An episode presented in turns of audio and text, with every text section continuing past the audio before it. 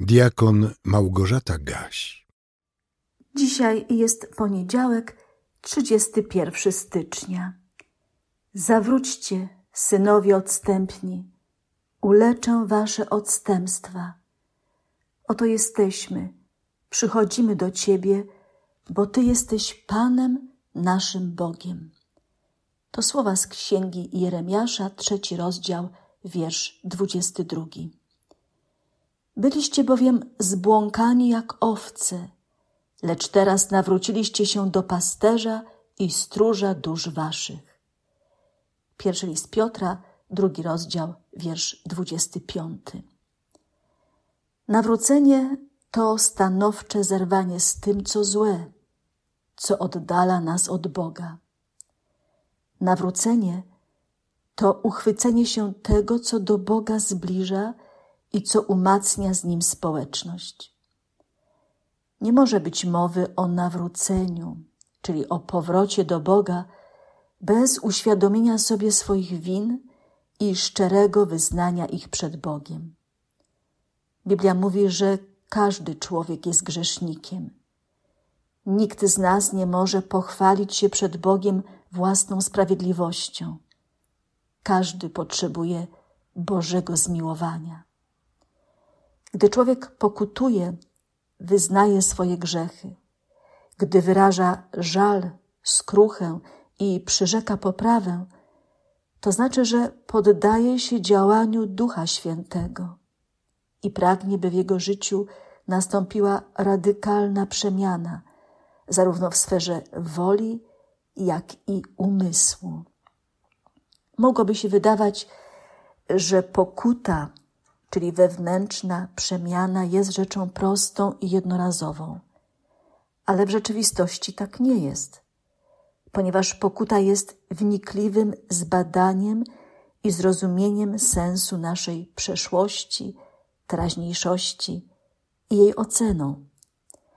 Wiąże się to z bolesnym odkryciem przepaści, jaka istnieje między ideałami, do których się dąży, a tym, co dotychczas udało się urzeczywistnić. Jeżeli przeprowadzamy szczerą i bezlitosną autokrytykę, to często towarzyszy temu wstyd, niesmak, wstręt do grzechu, a niejednokrotnie do samego siebie. Nie jest łatwo odkryć przed sobą prawdę o sobie – Dlatego wielu ludzi woli żyć w nieświadomości, oszukując i łudząc samych siebie. Jednak pokuta to nie tylko poznanie własnej nędzy i tego, co złe. Prawdziwa pokuta niesie z sobą również nadzieję, wskazuje drogę wyjścia, ocalenia, jakie Bóg w swej łasce przygotował dla człowieka. Apostoł Paweł w drugim liście do Koryntian w siódmym rozdziale napisał: Byliście zasmuceni ku upamiętaniu, zasmuceni bowiem byliście po Bożemu, albowiem smutek, który jest według Boga, sprawia upamiętanie ku zbawieniu i nikt go nie żałuje. Dzięki szczerej pokucie chrześcijanin przeżywa uwolnienie od grzechu. Reformacja uznała pokutę za stan, który rozciąga się na całe życie chrześcijanina.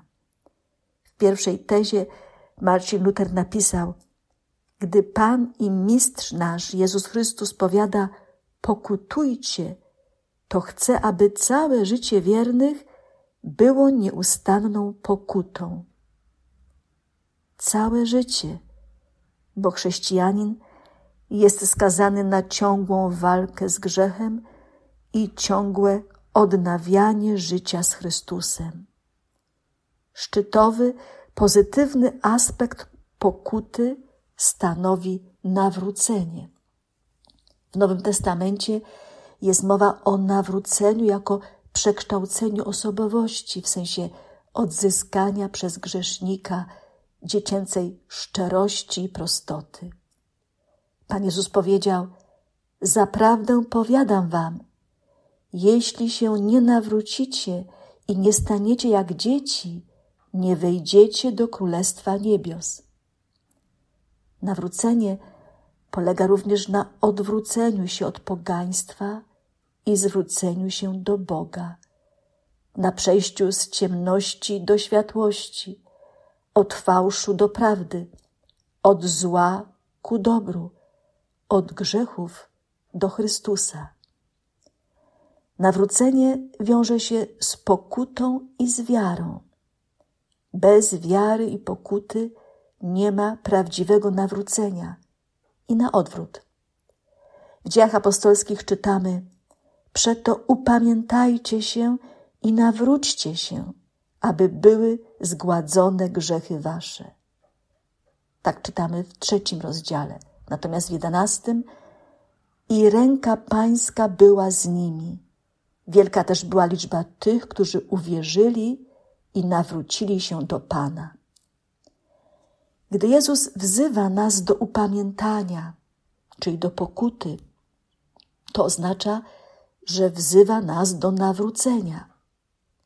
Wypełnił się czas i przybliżyło się Królestwo Boże. Upamiętajcie się i wierzcie Ewangelii. Gdy Jezus wzywa nas do wzięcia na siebie swojego krzyża i pójścia za nim, to oznacza, że wzywa nas do nawrócenia. Jeśli kto chce pójść za mną, niech się zaprze samego siebie i bierze krzyż swój na siebie codziennie i naśladuje mnie.